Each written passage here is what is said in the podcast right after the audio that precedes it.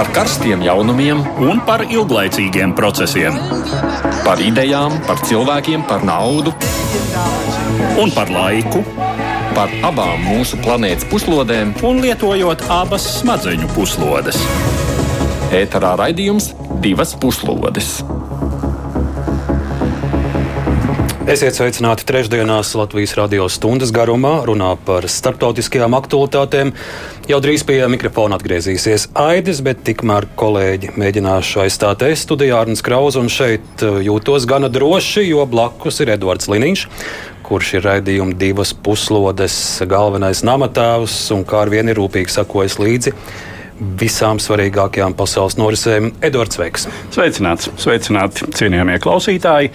Šodien esam izvēlējušies divus tematus.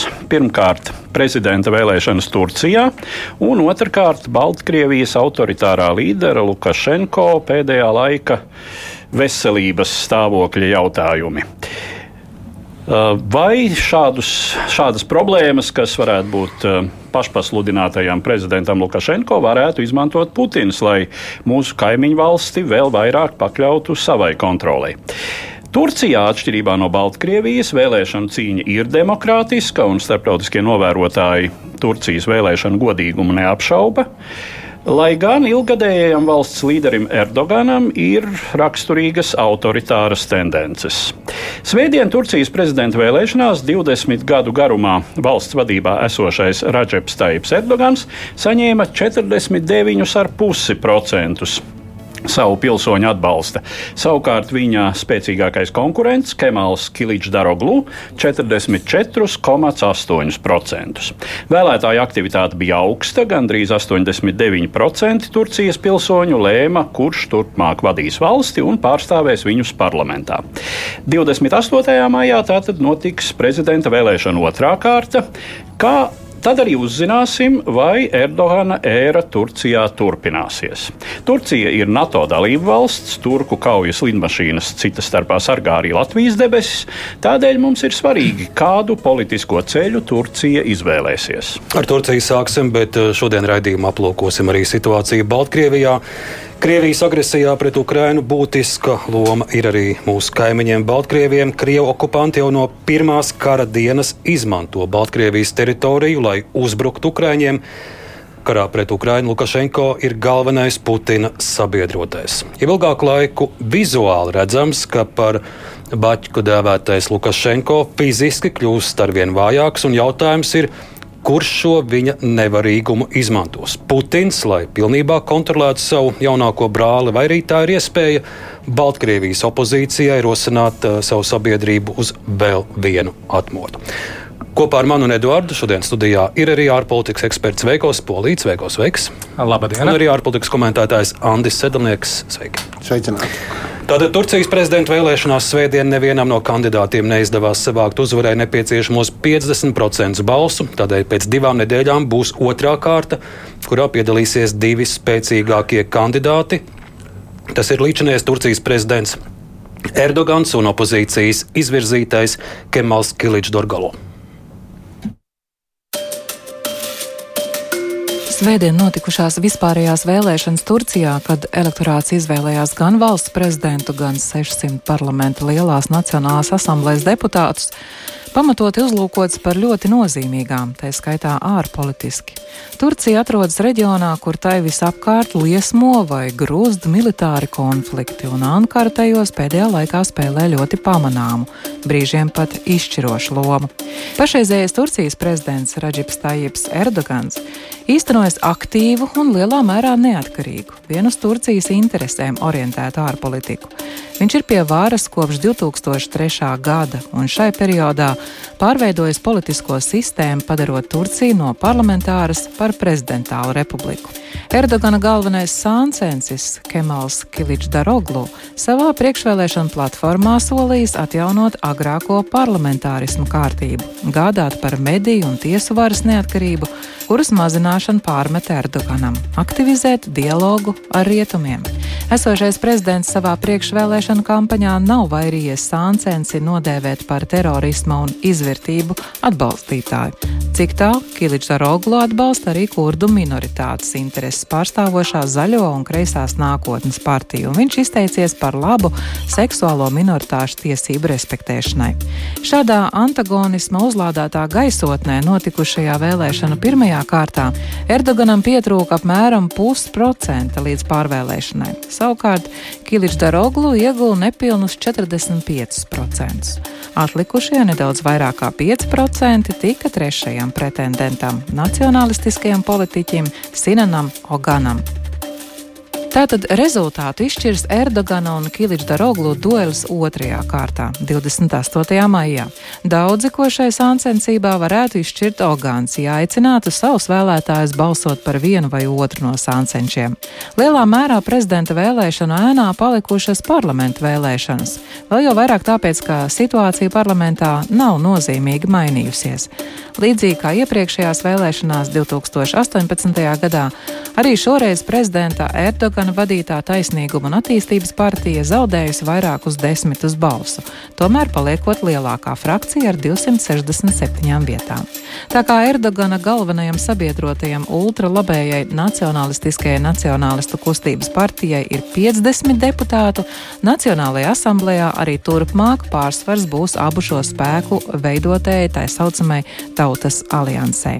Konkurējošai Nacionālajai aliansē, kurā bez Kiliča Daroglu vadītās republikāniskās tautas partijas ietilpst arī politiķis Meralas Akšeneras vadītā mēreni Nacionalistiskā labā partija, būs nedaudz vairāk par 200 vietām. Trešo parlamentu frakciju veidos tā saucamā Darba un brīvības alianse, kurā dominēja jau piesauktā zaļo un kreisās nākotnes partija. Gan prezidenta, gan parlamenta vēlēšanas rāda, ka par Erdogana izteikti konservatīvo, tradicionālistisko politiku ierasti balso valsts centrālie un ziemeļu rajoni, kamēr par liberālāko pieeju lielās pilsētas, piekrastes rajoni un kurdu minoritātes divas puslodes. Nu, lūk, tik tālu ieskats Turcijas vēlēšanu stāstā. Es sākšu ar pilnīgi nesvarīgu jautājumu, bet man kā ziņu lasītājam tas ir svarīgs. Jo, ja uzvarēs Erdogans Sānsens, tad man būs jāiet pie Eduarda kursos un jāiemācās precīzi izrunāt uh, otra kandidāta uzvārds, tātad uh, Kemals Kaličs Daroglu. Jau raidījuma sākumā kļūdījos. Veiko, uh, ko nozīmē šis uzvārds? Tu zini turku valodu. Nu, baznīcas kalna dēls, jo Olu raksta latviešu. Mēs turciski rakstām viņu ar G burtu, bet šis ir mīkstais G, kuru neizrunā. Līdz ar to visi, kuri beidzās turku uzvārdu ar Olu, nozīmē, tie ir kāda dēla.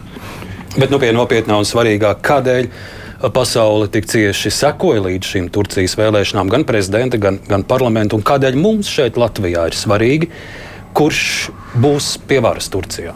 Edvard. Turcija ir ļoti nozīmīgs spēlētājs, kuras uh, viedoklis uh, vispirms šobrīd nosaka NATO paplašināšanās situāciju. Tas mums ir ļoti svarīgi, jo uh, runa ir par mūsu kaimiņu valsts, Zviedrijas uzņemšanu NATO, kas ir tas iztrūkstošais elements, lai NATO būtu faktiski, lai Baltijas jūra faktiski būtu NATO ezers. Uh, Eh, un, eh, nu, kamēr, protams, eh, šai situācijā Zviedriju var integrēt Baltijas reģiona aizsardzības struktūrās citādi nekā tikai caur NATO, bet loģiski būtu, ja Zviedrija NATO būtu. Nu, Turcijai, kā zināms, ir iebildumi. Un lielā mērā tie arī izriet, es teiktu, no prezidenta Erdoāna ambīcijām un vēlmes uh, rādīt savu svaru starptautiskajā politikā. Bet uh, kas ir vēl svarīgāk, protams, kāpēc vispār šīs vēlēšanas dēvē par uh, šī gada iespējams svarīgākajām vēlēšanām pasaulē. Ir tā Turcijas ģeopolitiskā vieta šajā ļoti nokaitētajā reģionā. Kā zināms, uz ziemeļiem no Turcijas ir Melnā jūra, un aiz tās risinās karš Ukrainā. Uz ziemeļaustrumiem ir aizkaukās ar konfliktu starp Azerbaidžānu un Armēniju, kur Turcija ir būtiski iesaistīta kā Azerbaidžānas galvenais sabiedrotais. Un nerunājot par visiem citiem konfliktiem šai aizkaukās reģionā, kas ir mazāki, varbūt pieklusuši šobrīd, bet mm, tāpēc nemazāk potenciāli bīstami. Turcijas pēdējo gadu politika ir izpletusi tās interesu sfēru arī aiz Kaspijas jūras. Tās ir Centrālāzijas valstis, kur ir etniskā tuvība. Tātad, tās ir turku tautas, tās tāpat ir islāma valstis. Un tur jau, teiksim, šobrīd sevišķi tur saplokot Krievijas ģeopolitiskai ietekmei, tā vietu aizņem nu, pirmkārt Ķīna, bet arī Turcija. Nu, un tad ir uz dienvidiem no Turcijas, tā ir Sīrija. Sīrijas konflikts, kurā Turcija ir spēlējusi nozīmīgu lomu un spēlē nozīmīgu lomu. Un Turcija, kā šis lielākais reģiona militārais spēks, nu, nepieminot tādus senus konfliktus, gadu desmitiem ilgus, kā, vai, vai pat gadu simtiem dažos gadījumos, kā Turcijas-Grieķijas attiecības un, protams, Kipras Kipras konflikts, Kipras sadalītība turku un grieķu daļās, un, kur arī Turcija ir. ir. Un Turcija, protams, šobrīd vēl bez visa cita, kas mums ir ļoti svarīgi, ir tas valnis, kas aiztur joprojām vairākus miljonus Sīrijas bēgļu, kuri potenciāli drīzāk varētu vēlēties doties tomēr uz Eiropu, nevis atgriezties savā kara sagrautajā dzimtenē. Lūk, Edvards jau iezīmēja to Turcijas nozīmības mērogu. Tas pats jautājums, kādēļ mums ir šeit svarīgi, kas ar Turciju būs, kas būs Turcijas priekšgalā? Pats svarīgākais ir tomēr tas, ka Turcija ir mūsu sabiedrotais NATO.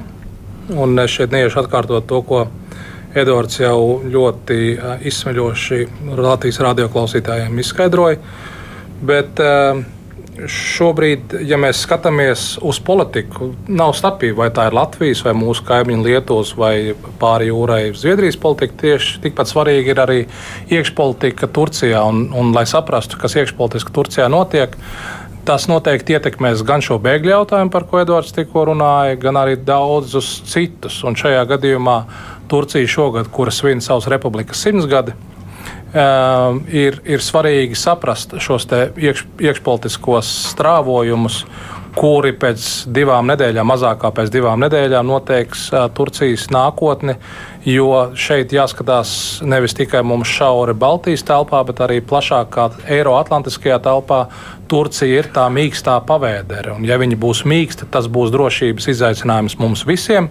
Ja viņa būs droša un pārliecinoša, tad tas būs risinājums arī mums pārējiem. Nu, es piebildīšu, ka nu, ir, mums ir sauksim, jau nu, lietas īstajos vārdos globāla ģeopolitiska konfrontācija. Ja, tas, tā ir situācija, kad tas kopējais rezultāts ir nu, teiksim, nulles summa, ja, un katras valsts nostāja ir svarīga. Un Turcija tā ir valsts, kas eh, diezgan lielā mērā sliecās teiksim, lielās Eirāzijas virzienā, kas uztur interesantas attiecības ar nevis tādas, kā viņas nevar nosaukt par viennozīmīgi draudzīgām. Jā. Viņas ir tādas interesantas, specifiskas ar Ķīnu, ar Krieviju. Arī vēl viena lieta, kas netika pieminēta, ar Irānu, jā, kas, kur ir gadsimtu garumā. Divi tur karu ir vēl vairāk kā starp Turciju un Krieviju bijis gandrīz vai gadsimtu garumā, un kur ir, kas arī jāpiebilst, ir armija apmēram salīdzinām ar Turcijas armiju reģionā. Tā kā tas viss ir. Bet tas galvenais šajā gadījumā ir tā, nu, nu es teiktu, nu, pats pats pats galvenais ir tā nulles summa. Un jautājums, pie kā tad aizies nozīmīgā Turcija ar tiešām ar nozīmīgu armiju, ar nu, gandrīz 100 miljoniem iedzīvotāju. Ja? Tas ir ļoti svarīgi arī ar, nu, jā, ar daudzām spēcīgām ekonomikas nozarēm, un Erdogana vadībā viņi stipri velk uz to pusi. Tomēr. Lai gan nu, tas ir arī nosacīts, jo Erdogans tomēr ir pats savā prātā tēlēni izsakoties, bet nu, tāda tendence ir.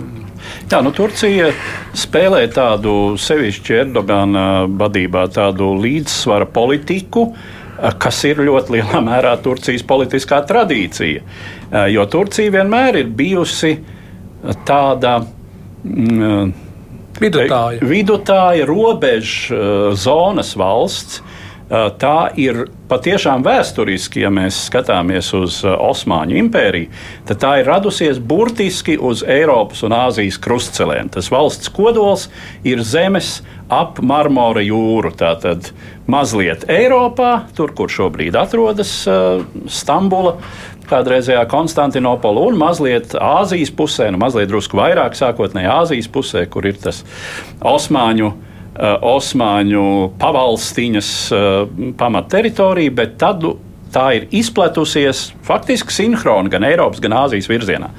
Sasniedzot ap 17, 16, 17 gadsimtu savu varas maksimumu, kad mēs zinām, ka turku robežas bija netālu no Vīnes, uh, kad ar, ar turkiem bija spiesta ļoti smagi karot Polija. Uh, un, un kad uh, savukārt Āzijā, jā, tā bija Ziemeļāfrika, tā bija ne tikai Āzija, tā bija Ziemeļāfrika, tā bija visa Mezopotāmija, tad tagadējās Irākas teritorija. Nu, tur Pie mums pat ir kaut kādi turku kapi saglabājušies. Uh, tie no Pirmā pasaules kara, kad Turcija bija Nē, tie ir no Krimas kara. Tie no Krimas kara. No Krimas kara, jā, tā, tā, tā taisnība, taisnība, jā, ir arī tā. No, 1850. mērogs, tas, ko es no jums vēlējos dzirdēt par uh, Turcijas vēlētāju, Turcijas pilsoņu izvēli, ļoti, salīdzinot ar mūsu vēlēšanām, ļoti liela aktivitāte, 89%. Uh, Ko aptaujas rāda? Vai, te ir viena noteikti, piedod, Arni, te ir noteikti jāpiezīmē, jo tas nav izskanējis ne Latvijas televīzijā, ne arī radio. Tātad Turcija, līdzīgi kā Grieķija, Austrālija, Beļģija, viņām ir obligāts vēlēšana līdzdalība, atšķirībā no mums. Tad tas no, ir tas to, izskaidrojums. Tas ir tas izskaidrojums, un, protams, eh, līdz ar to, ja tu nepiedalies vēlēšanās, tev ir jāmaksā arī nosacīts sots. Viņš nav liels, bet viņš ir. Nu, jā, nu, droši vien tur ir kaut kādas ārsta zīmes un kaut kas tāds, ar ko.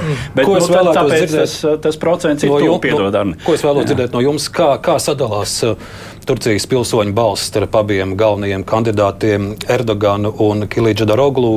Uh, lauki, pilsēta, jaunā paudze, seniori, nezinu, nacionālisti, kurdi. Kurš, kurš balso par kuru? Ne, nu, šajā gadījumā, ja mēs ņemam tādās plašos triepienos, tad eh, šobrīd jau arī eh, Evijas Unāmas sagatavotajā materiālā tas ļoti skaidri parādījās. Tātad lauki, eh, konservatīvi vēlētāji, reliģiski vēlētāji, tie ir šī brīža prezidenta pusē. Tā pašā laikā, kad lielās, zināmā mērā, multinacionālās pilsētas, kurdu minoritāte un liberālais spārns plašos triepienos balso par Kemālu Kiliču Darolu. Tā kā tas ir tādā plašos triepienos. Hmm, tur bija, teiksim, ar kartē paskatās, tad visa vidiena ir Erdogana krāsās un viss, no, un tik ap, un sarkans, un sarkanā bija. Nē, oranžs ir Erdoganam. Nē, es domāju, Un sarkanās parasti zīmēs tikai pāris lielās pilsētas un viss nomals apkārt. Tas kā pusmēnesis. Nu jā, tā, ir, eh, tā ir piekraste, kur ir aktīva turisma aprite un eh, visvairāk ārvalstu investīciju, un arī tā teritorija, kas visvairāk ir atkarīga no ārvalstu investīcijām. Tie ir kurdu rajoni, protams, arī dzen. Eh, un jā, lielās pilsētas, kur, kuru pilsētu galvas arī piedara pie šīs Mm, Nacionālās tautas partijas. Tā, starp citu, ir partija, kuras savā laikā dibināja modernās Turcijas tēvs, tātad Kemāls Atatürks.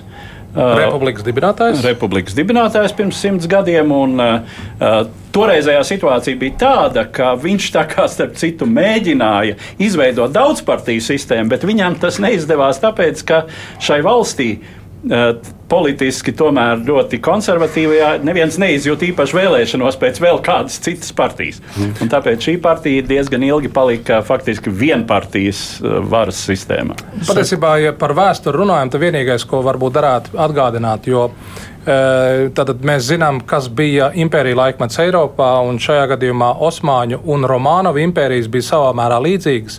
Bet tā atšķirība ir tajā, ja mums, piemēram, mēs parasti salīdzinām Latvijas attīstību ar to, ka 1816 līdz 1819 ir dzimtbūšanas atcelšana Kurzemē un Livonijā, tad Latgalē tas ir 1861. pārējā Krievijā, tad dzimtbūšana atcēla Osmaņu impērijā tikai pēc 1905. gada. Tā kā tas, tas skaidrs skaidro šo konservatīvismu un tradīciju. Mm. Saviem mums piebilde ir vēl arī 2,8 miljonu ārzemēs dzīvojošo vēlētāju turku. Turcijas pilsoņu tur aktivitāte bija mazāka, bet uh, tur ir apmēram tā proporcija, ka divas trešdaļas parasti atbalsta Erdoganu. Ja, un, piemēram, kur bija diagramma Vācijā, tur praktiski viena vai divas pilsētas tikai bija, kur pārsvars bija galvenajam opozicionāram, viss pārējais bija pārliecinoši par Erdoganu. Kāpēc tā? Es, to, to man ir grūti spriest, bet acīm redzami es pieļauju domu, ka viņiem Erdogans asociējas ar kaut kādu Turcijas nu, nacionālo lepnumu, Turcijas iespējām, kaut kādām tā varētu būt. Un tā ir vēl, kā vismaz tā tiek uzskatīts, ka tā ir vēl viena Erdogana neizmantotā rezerve, jo tur dalība vēlēšanās bija tikai nedaudz virs 50%. Ja? Un, attiecīgi, jo vairāk ārzemēs dzīvojošo turku aizies uz iecirkņiem, jo vairāk arī būs Erdogana atbalstītāji proporcionāli. Nu, tā vēl tāda piebilde. Bet... Nu, šeit ir līdzības arī ar mūsu diasporu īrijā un Lielbritānijā. Proti, lielākā tiesu Eiropas turku imigrantu ir no nabadzīgiem un mazpilsētu rajoniem, tātad tradicionāliem Erdogana atbalsta punktiem. Tā kā tas skaidro to, ko tikko Andris teica, tas ir viens, bet otrs arī, ja mēs skatāmies, ir ļoti interesanti redzēt, kāda ir atšķirība starp turku um, trimdes vēlētājiem Eiropas kontinentā un, piemēram, Ziemeļamerikā, kur arī ir ļoti nozīmīga viņu kopiena. Un šeit mēs redzam to, ko mēs esam pieraduši Latvijā minēt par administratīvā resursa negantu izmantošanu. Proti, ja piemēram tradicionālajos vēstniecībās, kur balso par Erdoganu, tur viņi dod piecas dienas balsot, tad Amerikā, kur absolūtais vairākums balso par Kemalu Kiličdarolu, tur tikai divas dienas dod iespējas balsot. Mēs pēc brīža runāsim arī par Turciju un Krieviju, par Erdoganu un Putinu, bet ja es lūgtu jūs prognozes izteikt 28. maija vēlēšana otrā kārta, jūsu nojauta un vēlēšana aptaujas ko rāda, kam ir lielāks izredzes Erdoganam vai viņa sāncensim? Pēc uh, pirmās kārtas, kur bija daudziem cerības par to, ka opozīcija tomēr gūs ievērojamu pārākumu par esošo prezidentu, tā kā tas nepiepildījās, tad uh, izskatās, ka šī brīža prezidents turpinās. Es domāju, ka jāpiemina arī trešais kandidāts, kurš saņēma Edvards labāk 5%. Jā, nedaudz virs 5%. Kas ir viņš un kam viņa balss varētu aiziet? Visdrīzāk tomēr viņa elektorāta balsis, pat ja viņš neizteiks kādas, uh, kādus savus uh, vēlējumies. Nosauksim viņu vārdā. Ogans. Ogans, jā, jā. vai, ja pareizāk sakot, tur arī ir. Nē, nē, jā, var teikt, Oans. Oans Lūk, um, viņa, viņa vēlētājs, kā jau tas tika minēts, ir Uh, nacionālistiski noskaņots, līdz ar to, protams, tuvāks uh, idejiski Erdoganam. Tik daudz tā starpība, ka uh, Ohānu vēlētājiem acīm redzot, nav raksturīgs tas islāmiskais moments, kas ir pretējs faktiski Turku republikas pamatprincipiem, jo nu, tā bija. Tā bija Kemala Ataturka ideja, ka valstī ir jābūt izteikti sekulārai nereliģiskai. Un tas ir tas, ko Erdogans mēģina pamazām bīdīt citā virzienā. Drupināt. Drupināt, jā, tieši tā. Tā kā, tā kā nu, pēc visas spriežot, un pēc parlamenta vēlēšanu rezultātiem spriežot, joprojām opozīcijai būs par īsu.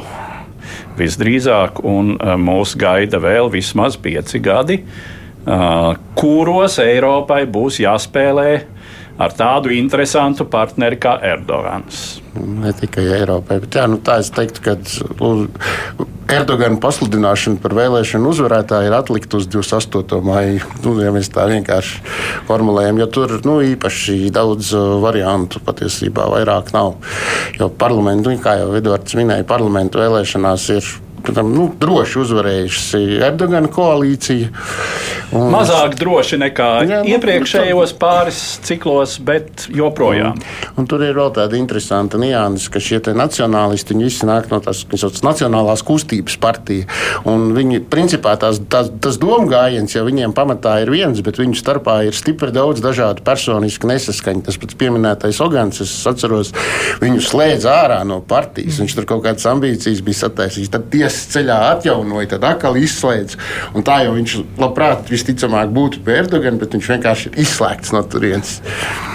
Jā, un šeit, protams, arī nozīmīgs arguments ir, ja mēs skatāmies šo opozīcijas, kas bija tomēr ļoti nozīmīgs solis, ja viņi 8. martā spēja opozīcijas partijas vienoties par vienotu kandidātu, kurš nostātos pretī esošajam prezidentam. Un līdz ar to viens no viņu um, priekšvēlēšanu saukļiem bija atgriešanās pie pirms 2017. gada republikas satversmes un pie prezidentālās republikas nomaiņas atpakaļ uz parlamentāro republiku. Šobrīd, kur mēs redzam, redzam, ka Meģlisā, jeb tautas uh, sapulcē, jeb mūsdien, mūsu sapratnē parlamentā lielākais vairākums tomēr ir konservatīviem spēkiem, uh, tas nozīmē to, ka uh, tas ir neizpildāms solījums un tāpēc mūsu domas šeit saskan. Nu jā, arī tas būtu liels jautājums, kā Kiličs Daroglu kļuvis par prezidentu, ja viņš kļūtu par prezidentu, tad īstenotu savu priekšvēlēšanu solījumu, mazinot prezidenta varu, atdotu varas uh, lielāko kumosu atpakaļ parlamentam, kurš politiski ir uh, tomēr viņam. Uh, viņa pretinieki. Jā, un var minēt trīs reizes, kuru parlaments nosaukt par premjerministru šādā gadījumā. Tieši tā. Tas būtu Erdogans. Bet, kolēģi, mēs jau sākumā minējām to starptautisko fonu, kādā notiek šīs vēlēšanas. Bet, kas notiek pašā Turcijā? šo vēlēšanu laikā. Tātad nesenā zemestrīce, dažādi ekonomiskie izaicinājumi, liras kurs. Kā šis fons ir ietekmējis vēlēšanas, vēlēšanu pirmās kārtas iznākumu, jo daudz paredzēja, ka ļaudis būs vīlušies Erdoganā un viņa ekonomiskajā politikā. Jā, tā. Pirmkārt, ja mēs runājam par zemestrīci, tad zemestrīce, kur skāra tieši šo dienvidu austrumu Turcijas daļu un kurdu apdzīvotās teritorijas, tad bija interesanti redzēt arī pirms vēlēšanām, un tā arī vēlēšana iznākuma to parādīja, ka trijos kurdu apdzīvotajos rajonos Vanā, Diyarbakarā Uh, un trešais, tagad neatcerēšos, nobalsoja par Kiličdaralu, bet, piemēram, Urfā, kur bija lielākie postījumi, postījumi tur nobalsoja par esošo prezidentu. Tā kā šajā gadījumā um, nu, no vienas puses mēs jau varam runāt par, par vēlmi saprast racionāli, kādam jābūt risinājumam, kad, ja, ja ir politiķis, kas nav izpildījis iepriekš solīto un būvnormatīvi nav iemēroti un ir maksātas eh, naudas un kukuļi eh, par nepilnīgu māju būvi, un tā pašā laikā viņam piedod to, nu, te, te ir jautājums, kas ir drīzāk psihologiem ir jāatbild. Tur bija, es papildināšu, tur bija tāda nianse, kad galvenais opozicionārs Erdogans ārkārtīgi aktīvi darbojās. Viņš brauc uz tām vietām, sniedza palīdzību cilvēkiem, ko nedarīja opozicionāri. Viņi tikai kritizēja. Viņi, nevarē, viņi arī nevarēja. Jā, nu vai, vai nevarēja, vai kā. Jā. Un tas uh, radīja tādu iespaidu kopumā, ka Erdogans cenšas kaut ko darīt, bet viņa pretiniekam viss ir vienalga. Jā. Un vēl viena lieta, kas arī viņam tiek pārmesta, tā ir tā draudzība ar kurdiem. Jo kurdu jautājums Turcijā daudziem tomēr ir svarīgs. Kurdu terorismu jautājums. Un, Erdogana pretinieks ļoti veikli izvairās nosodīt kurdu terorismu, ja, un tas daudzus noskaņo teikt, ar aizdomām. Pilnīgi piekrītu. Un šeit vēl viens arguments, kas ļoti svarīgs arī runājot mums par mums, mūsu vēlēšanām, ir tomēr brīvu mēdīju uh, esamība. Un šajā gadījumā mēs nevaram runāt par mēdīju brīvību Turcijā. Tas ir absolūts varas kontrole pār uh, televīzijas kanāliem. Uh, opozīcijai vienīgais veids, kā izspraukties, ir caur sociālajiem mēdījiem. Nu, jā, Mēdī, mēdī ir viens tās, bet, bet kopumā Vai Turcijā nav bažas par kādu vēlēšanu, arī viltošanas lietām, vai tur tomēr tā ir līnija, kas netiek pārkāpta? Nu, šobrīd uh, Eiropas uh, padomes uh, Venecijas komisija, kur atbild tieši par sekošanu vēlēšanu iznākumiem, ir mm, pir, pirmie paziņojumi ir bijuši, kad vēlēšanas ir bijušas atklātas, pārkāpumi ir bijuši, vismaz runājot man pašam ar saviem radiniekiem Turcijā, ir pārmetumi par, par esošo sistēmu. Ehm, bet eh, galējo iznākumu parādīs mums pēc divām nedēļām, kur mēs varam paredzēt, kāds viņš varētu būt. Bet tad bet, jau, ja Erdogans gribētu kaut ko viltot, tad jau viņš tos 0,6 būtu kaut kur pielicis nu, klāt. Vai? Tas, ko var lasīt, ka tomēr. Uh, Visu partiju pārstāvji visos balsu skaitīšanas posmos ir pielaisti pie procesa un kontrolē. Uh, un, uh, nu, teiksim, tad, tad tas būtu uh, Uh, kaut kā. Respektīvi, ir, ir ļoti grūti. Tas, tas tiek atzīts, ka ir ļoti grūti šādā sistēmā kaut ko tādu rupji viltot. Cita lieta, tas... ka ir ietekme caur, kā jau teikt, caur mēdījiem, ir viltīgi administratīvā resursa lietošanas gadījumi un tā tālāk. Un, protams, tiesvedības, jo galvenās uh, turku partijas HDZ vadītājs ir šobrīd cietumā. Uh, Stambuls mērs uh, ir uh, uz sliekšņa par nokļūšanu cietumā Ikrams Imamolu. Tā kā šeit politiskie konkurenti lielākā, mazākā mērā visi ir vai nu cietumā, vai arī viņiem ir uh, draudz par to, ka par nepareizu izteikšanos pret valsts varu un esošo prezidentu viņi var tur nokļūt. Tā kā tas ir arī atturošs elements. Nu, tas galvenais šajā gadījumā nu, nav tieši tā rezultātu viltošana, kas nu, arī nav. Ja tev ir iespaidīgs administratīvais resurs, Nav tad tu to var izdarīt jā. arī cities, citos veidos. Teiksim, un tev nav jāiet uz iecirkni, nu, tur jāstumj kaut kur iekšā biļetē. Tas nenotiek Turcijā. Jā. Tāpēc mums stāsta par Turciju. Es gribu pieminēt divas valstis, vēl Zviedriju un Krieviju. Sākšu ar Zviedriju. Nu, Zviedri, protams, arī cieši seko šīm vēlēšanām. Gaidot kādas ziņas no, no Turcijas un Turcijas parlamenta par uh, Zviedrijas iestāšanās NATO ratifikāciju. Vai, vai pēc 28. maija šis process saistībā ar Zviedriju varētu notikt raitāk, vai arī Zviedriem tas vēl būs garš ceļš un visi Erdogana pārmetumi, ka Zviedrija piesedz kurdu teroristus Stokholmā un tā tālāk? Nu, man gribētos būt optimistam. Tā ziņā, ka šis arguments Erdoganam šobrīd vairs nav nepieciešams, lai demonstrētu savu stingrību un Turcijas eh, teiksim, starptautisko, eh, starptautisko svaru kā argumentu priekšvēlēšanu procesā. Es Un, protams, diplomātiskais spiediens pirmām kārtām no Savienoto Valstu puses ir pietiekami spēcīgs. Uh, nu, lai tagad, uh, protams, ar attiecīgiem žestiem un retoriku, bet tomēr ļautu, nu, tā man šķiet, ļautu uh, Zviedrijai tomēr kļūt par NATO dalību valsti. Pilnīgi piekrītu, jo gal galā šeit uh, tas nav tikai jautājums starp Stokholmu un Ankaru. Šis ir jautājums par Stokholmu, Ankaru, Vašingtonas trīsstūri. Tas, principā, jā, Erdogans ir šāda meistarīga piekāpšanos, teiksim, skaļu paziņojumu un meistarīgu piekāpšanos. 19. gadā Baltijas valstīm. Jā, viņš ir tāds izcils. Tas bija izcils 19. lielmeistars. 19. gadā bija jautājums par ā, tātad, ā, drošības, par, par NATO jauno mm, plānu Baltijas valstu aizsardzībai. Un sākumā Erdogans nostājās pozīcijās, ka viņš to neatbalstīs. Tad trīs Baltijas valstu prezidenti kopā ar NATO ģenerālsekretāru veids pārunas ar ā, Ankaras pārstāvi, un risinājums bija pozitīvs. Un Erdogana Putina attiecības šķiet, Erdogans ir viens no retajiem, vismaz tas, ko vizuāli redzēt, kuru Putins vēl no pasaules līderiem daudz maz, daudz maz respektē. Tas, ko mēs pieredzējām arī īsi pirms vēlēšanām. Erdogans ar Putinu bija kopā redzams, tā gan bija virtuāla, bet tā tika nosaukta par ceremoniju, jaunas atomstācijas atklāšanu, kuras projektā bija iesaistīta arī Krievija. Nu, grūti šobrīd ir iedomāties vēl kādu NATO dalību valsti, kādas NATO dalību valsts vadītāju, kurš piedalītos kādā publiskā ceremonijā, virtuālā vai klātienes. Erdogans to dara. Nu, protams, šeit mēs varam pārmest uh, Turcijai daudz un pamatoti. Un, uh, un, protams, arī uh, nodalīsim šī brīža prezidentu Erdoganu un Turciju. Tās ir divas dažādas lietas, līdzīgi kā Krievijā. Mēs arī cenšamies tomēr nošķirt esošo Kremļa diktatoru no pašas pārējās Krievijas. Bet atbildot uz tavu jautājumu, es teiktu tā, ka, protams, šeit ir vairākas kļūdas, ko arī mēs paši rietumi, kolektīvie rietumi, es domāju, NATO dalībvalstis esam pieļāvuši.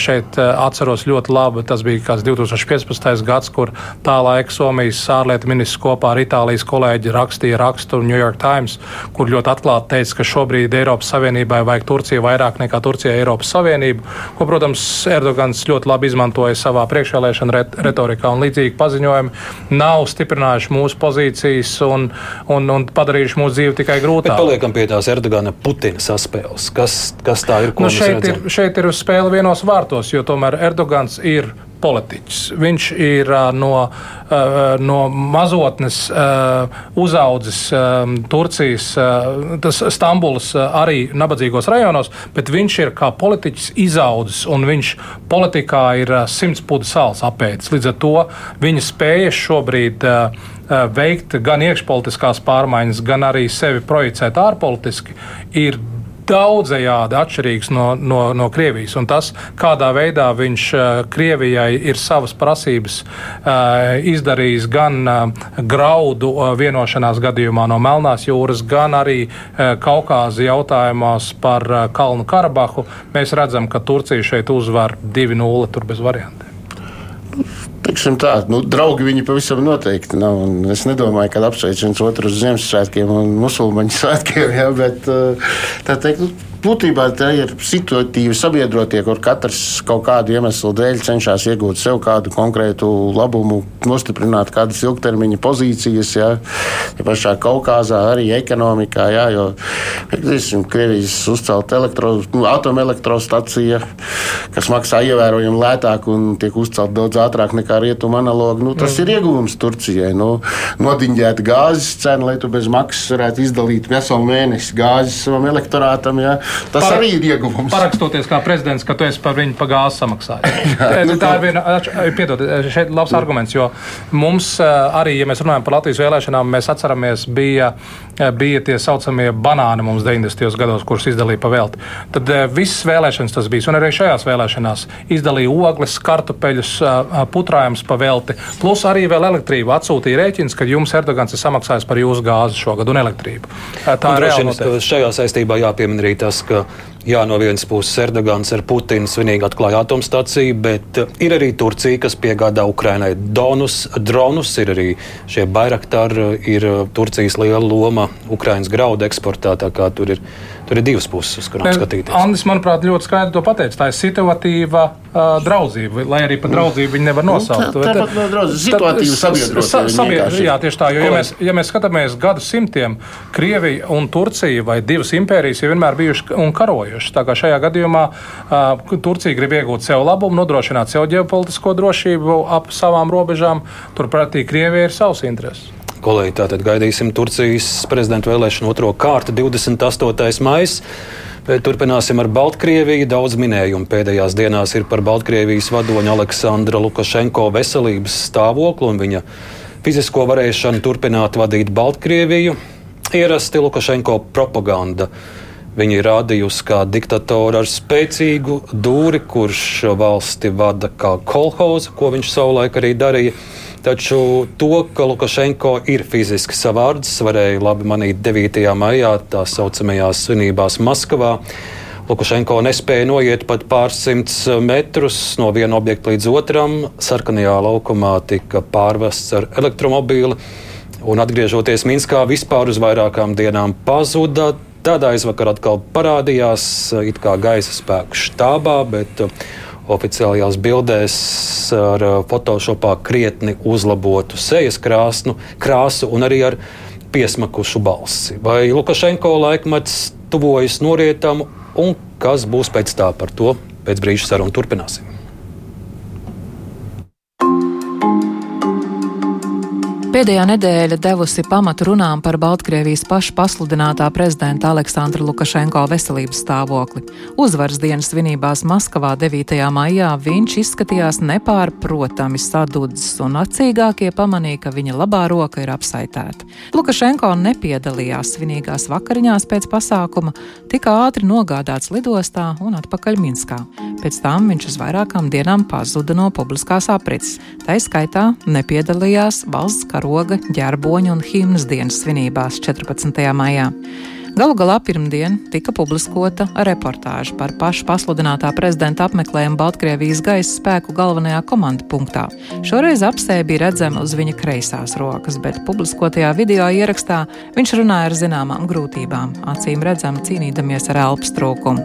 Tas viss licis uzvirmot prognozēm par to, kā varētu izvērsties Baltkrievijas liktenis, ja Lukašenko pēkšņi nomirtu vai kļūtu rīcību nespējīgs.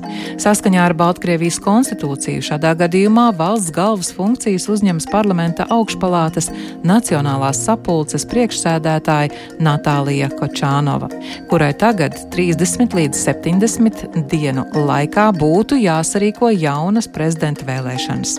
Jau agrāk izskanējušas versijas, ka tieši Kočānova Baltkrievijas līderis gatavojot savas funkciju pārņēmējas lomai. Nav nekādu šaubu, ka gadījumā, ja Lukašenko pēkšņi pazustu no politiskās skatuves, varas nomaiņas procesā iesaistītos Krievija iespējams pat īstenojot pilnīgu Baltkrievijas okupāciju. No otras puses, šādu scenāriju kā savu iespēju saredz arī Baltkrievu opozīcija. Pēdējās dienās trimdā esošo opozīcijas pārstāvi nākuši klajā ar vairākiem paziņojumiem. Opozīcijas līdere Svetlana Cihanovska izteikusies, ka opozīcijai jābūt gatavai jebkuram scenārijam. Vēršoties pie Baltkrievu tautas, viņa paziņoja, ka ir gatava būt Baltkrievu tautas balss šai grūtajā laikā, lai sarīkotu godīgas vēlēšanas, nepieļautu haosu un jauna diktatora nākšanu pie varas. Baltkrievijas opozīcijas iespējas ātri un efektīvi ietekmēt situāciju valstī, kur jebkāda opozīcija režīmam pēdējos trīs gadus tikusi centīgi iznīdēta, ir visai ierobežotas. Divas puslodes! Nu, kolēģi, runājot par Lukašenko, tas varbūt nav uh, labs tonis apspriest cilvēka veselību un, un, un fizisko stāvokli, bet uh, diktatori un autoritāri režīmi ir izņēmums, uh, kādēļ pēdējās nedēļas laikā ir uzmanību pievērst. Gan pat Baltkrievijas sabiedrības, ka tos sociālajos mēdījos ļoti aktīvi apspriež, kas ar viņu vadoni notiek. Gan arī, protams, Baltkrievijas kaimiņi vērtē un analizē katru Lukašenko pārvietošanos un kā viņš izskatās. Kādēļ, Eduard, tam ir pievērsta tāda uzmanība? Tu jau faktiski pateici to iemeslu. Jebkurš autoritārs režīms, kā liecina pats šis apzīmējums, autoritārs ir saistīts ar viena šī režīma vadītāja mm, rīcību, tā skaitā rīcības spēju, ar uh, viņu kā personību. Nu, tāds ir šī varas modeļa raksturs, ka tas ir ļoti lielā mērā. Protams, var būt dažādi uh, varas koncentrācijas līmeņi arī šajos modeļos. Uh, ir gadījumi, kad uh, ap vadoni ir aparāts, partija, um, drošības struktūras, kuras ir uh, vairāk vai mazāk um, no viņa atkarīgas. Bet, jebkurā gadījumā, vadoņa nomaiņa, nu, to jau mēs, man liekas, visi esam jau tās paudzes cilvēki, kuri atceras, ka diezgan būtiski mainījās politiskais klimats. Uh, Padomju Savienībā līdz ar vadoņu nomaiņu, jā, aizejot viņā saulē Leonīdam Brežņevam, uh, kuru, kura aiziešanu mēs, starp citu, pirms raidījuma eh, sarunā arī atcerējāmies.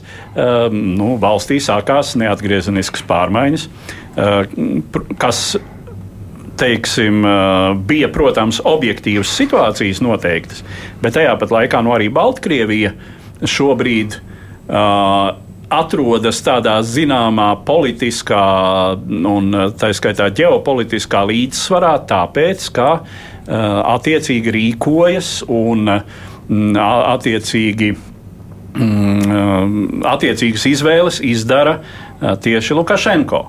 Ja tur būtu cits cilvēks, iespējams, ka Baltkrievijas iesaistītība konfliktā, piedodiet, Krievijas agresijā pret Ukrainu būtu citāda, iespējams, aktīvāka.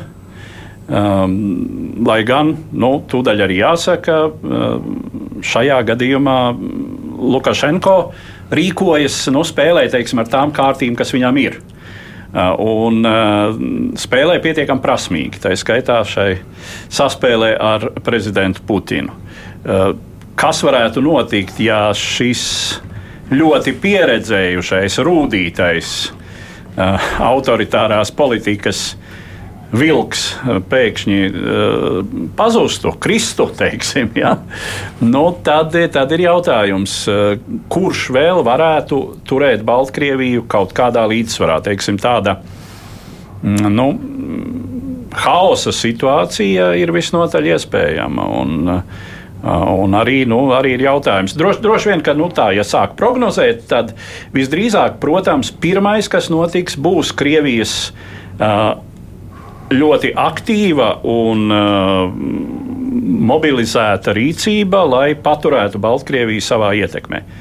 Bet nu, tālākais ir jautājums, kādi šai ziņā ir Krievijas resursi, kādi ir Krievijas mērķi un, un, un, un ko, tā, ko tā vēlētos iesākt ar Baltkrieviju. Scenārijiem vēl nonāksim, bet uh, kolēģi Eduardu vārdiem runājot, vai mēs tiešām šobrīd redzam, ka šis Baltkrievu draudīgais vilks, nu ir, nu ir redzams, ka viņš ir diezgan klips palicis. Viņš ir klips. Man nedēļas nogalē bija iespēja runāt ar bijušo ārlietu ministru Andreju Saņikovu, Baltkrievijas ārlietu ministru, bijušo, kurš tika apcietināts un nosēdēja cietumā, tika izlaists un šobrīd ir kā politiskais bēglis dzīvo Polijā. Un Saņikau kunga vārdiem par, runājot par iemesliem, protams, tā kā tas ir un ko tu arī iesākumā teici, mēs neesam ārsti un neviens īsti nezina, jo autoritāriem līderiem parasti ir tāda varas. Um, varas oreāls apkārt, un neviens netiek pielaists. Neviens neuzzina, kas ir īstais viņu uh, veselības stāvoklis. Bet nu, pieņēmums ir tāds, ka šajā Covid laikā, kur viņš spēlēja tādu ļoti saudabīgu līderi, kurš uh, uzskatīja, ka viņam šī slimība nemetās klāt. Bet, Pat ja metās, viņš teica, vajag čārku iedzert, un, un tad viss precīzi. Un šajā, un šajā, un šajā gadījumā ir pieņēmums, ka viņš vismaz trīs reizes ir pārslimojis. Šobrīd mēs arī Latvijā ļoti labi zinām, ka Covid pārslimošana ietekmē arī citas cilvēku slimības. Tas, tas iespējams ir tas galvenais, kas ir ietekmējis viņa šī brīža veselības stāvokli. Tā kā jā, veselības stāvoklis viņam ir švaks un, un, un gaidīsim ziņas. Un viņš arī būtu, arī, es nezinu, jauši, nejauši, bet tajos kadros gan Maskavā, Sarkanajā laukumā, gan nu, pat gaisa spēku štābā. Tur jau arī acīm redzams, ka viņam ir rokai apsejas, visticamāk, tur ir kaut kādas pilinātas, pilinātas zāles vai, vai kas. Mm. Es, es tiešām es neņemos spriest, jā, es tikai teikšu, ka tā teikt, ziņas par šādas ziņas ļoti bieži mēdz izrādīties pāragras. Es, piemēram, nu, patās lasīju jau kaut kādu, nezinu, 20. ziņu par Džordžu Sorosu nāvi, bet nē, dzīvāks par dzīvu. tā, kā, tā kā es, es tā teikt, negribētu par šo tēmu spekulēt, cik laiks rādīs. Nu, tur tiešām nevar zināt. Nu, varbūt cilvēks var noķert gripu vai angīnu un var, var, var pārdzīvot, var, varbūt covid. Viss, kas var būt. Ja? Tur ir, tās ir būtībā spekulācijas, tas ir minējumi.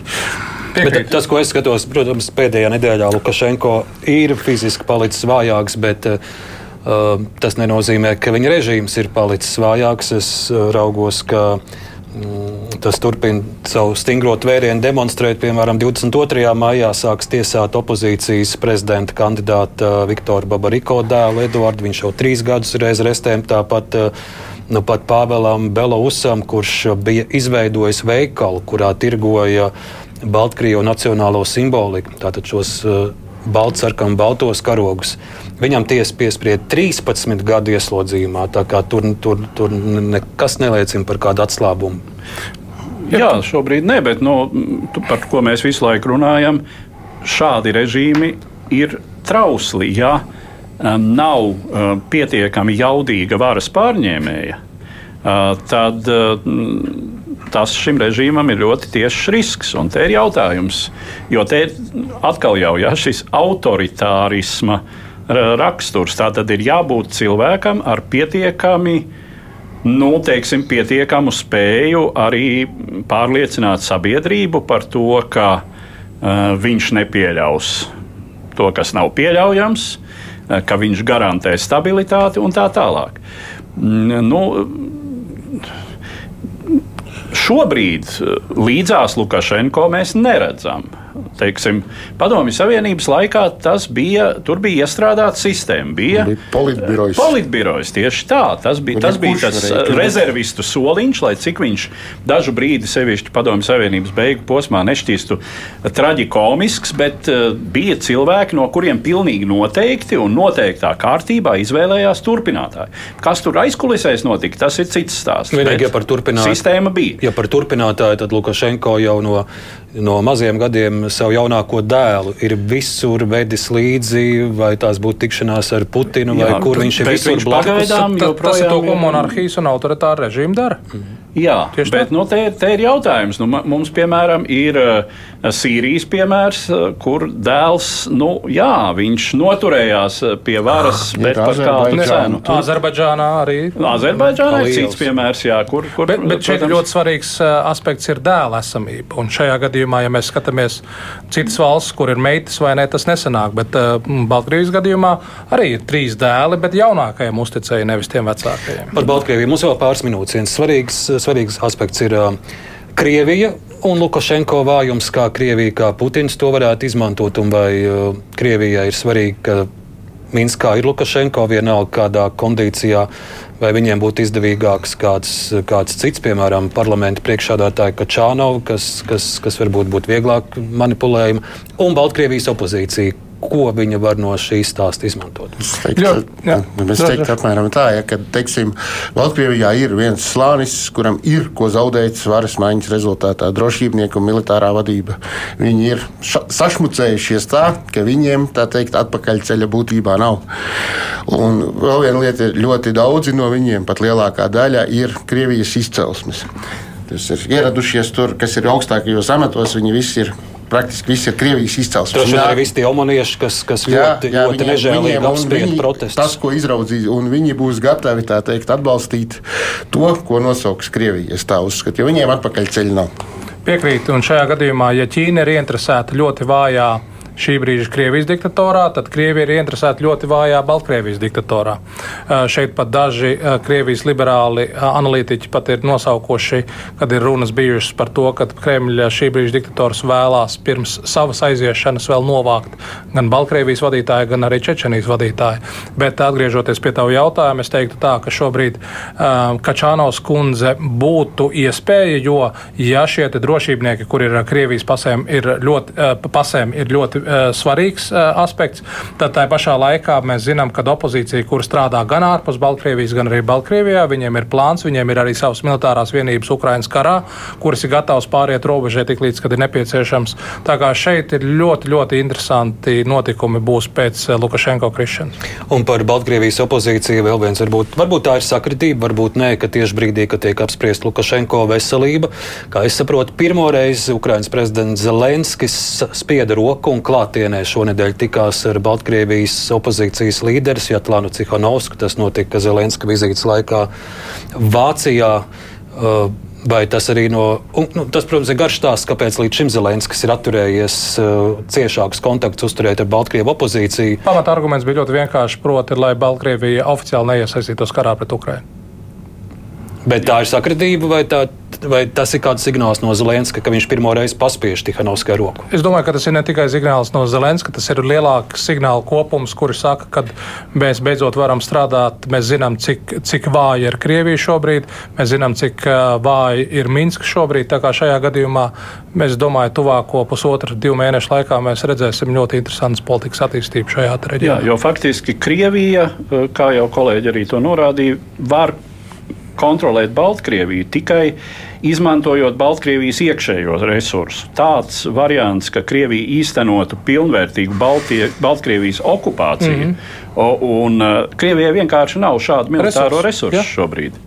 Uh, un, uh, līdz ar to arī jautājums par iespējamu Baltkrievijas iesaistīšanos tieši karā pret Ukrainu Krievijas pusē nu, ir tā būtu uh, ļoti eh, bīstama avantūra, ievērojot to, cik maza motivācija ir Baltkrievijas sabiedrības lielum, lielajam vairumam karot, vēl jau vairāk karot pret Ukrainu, ko nu, Baltkrievi.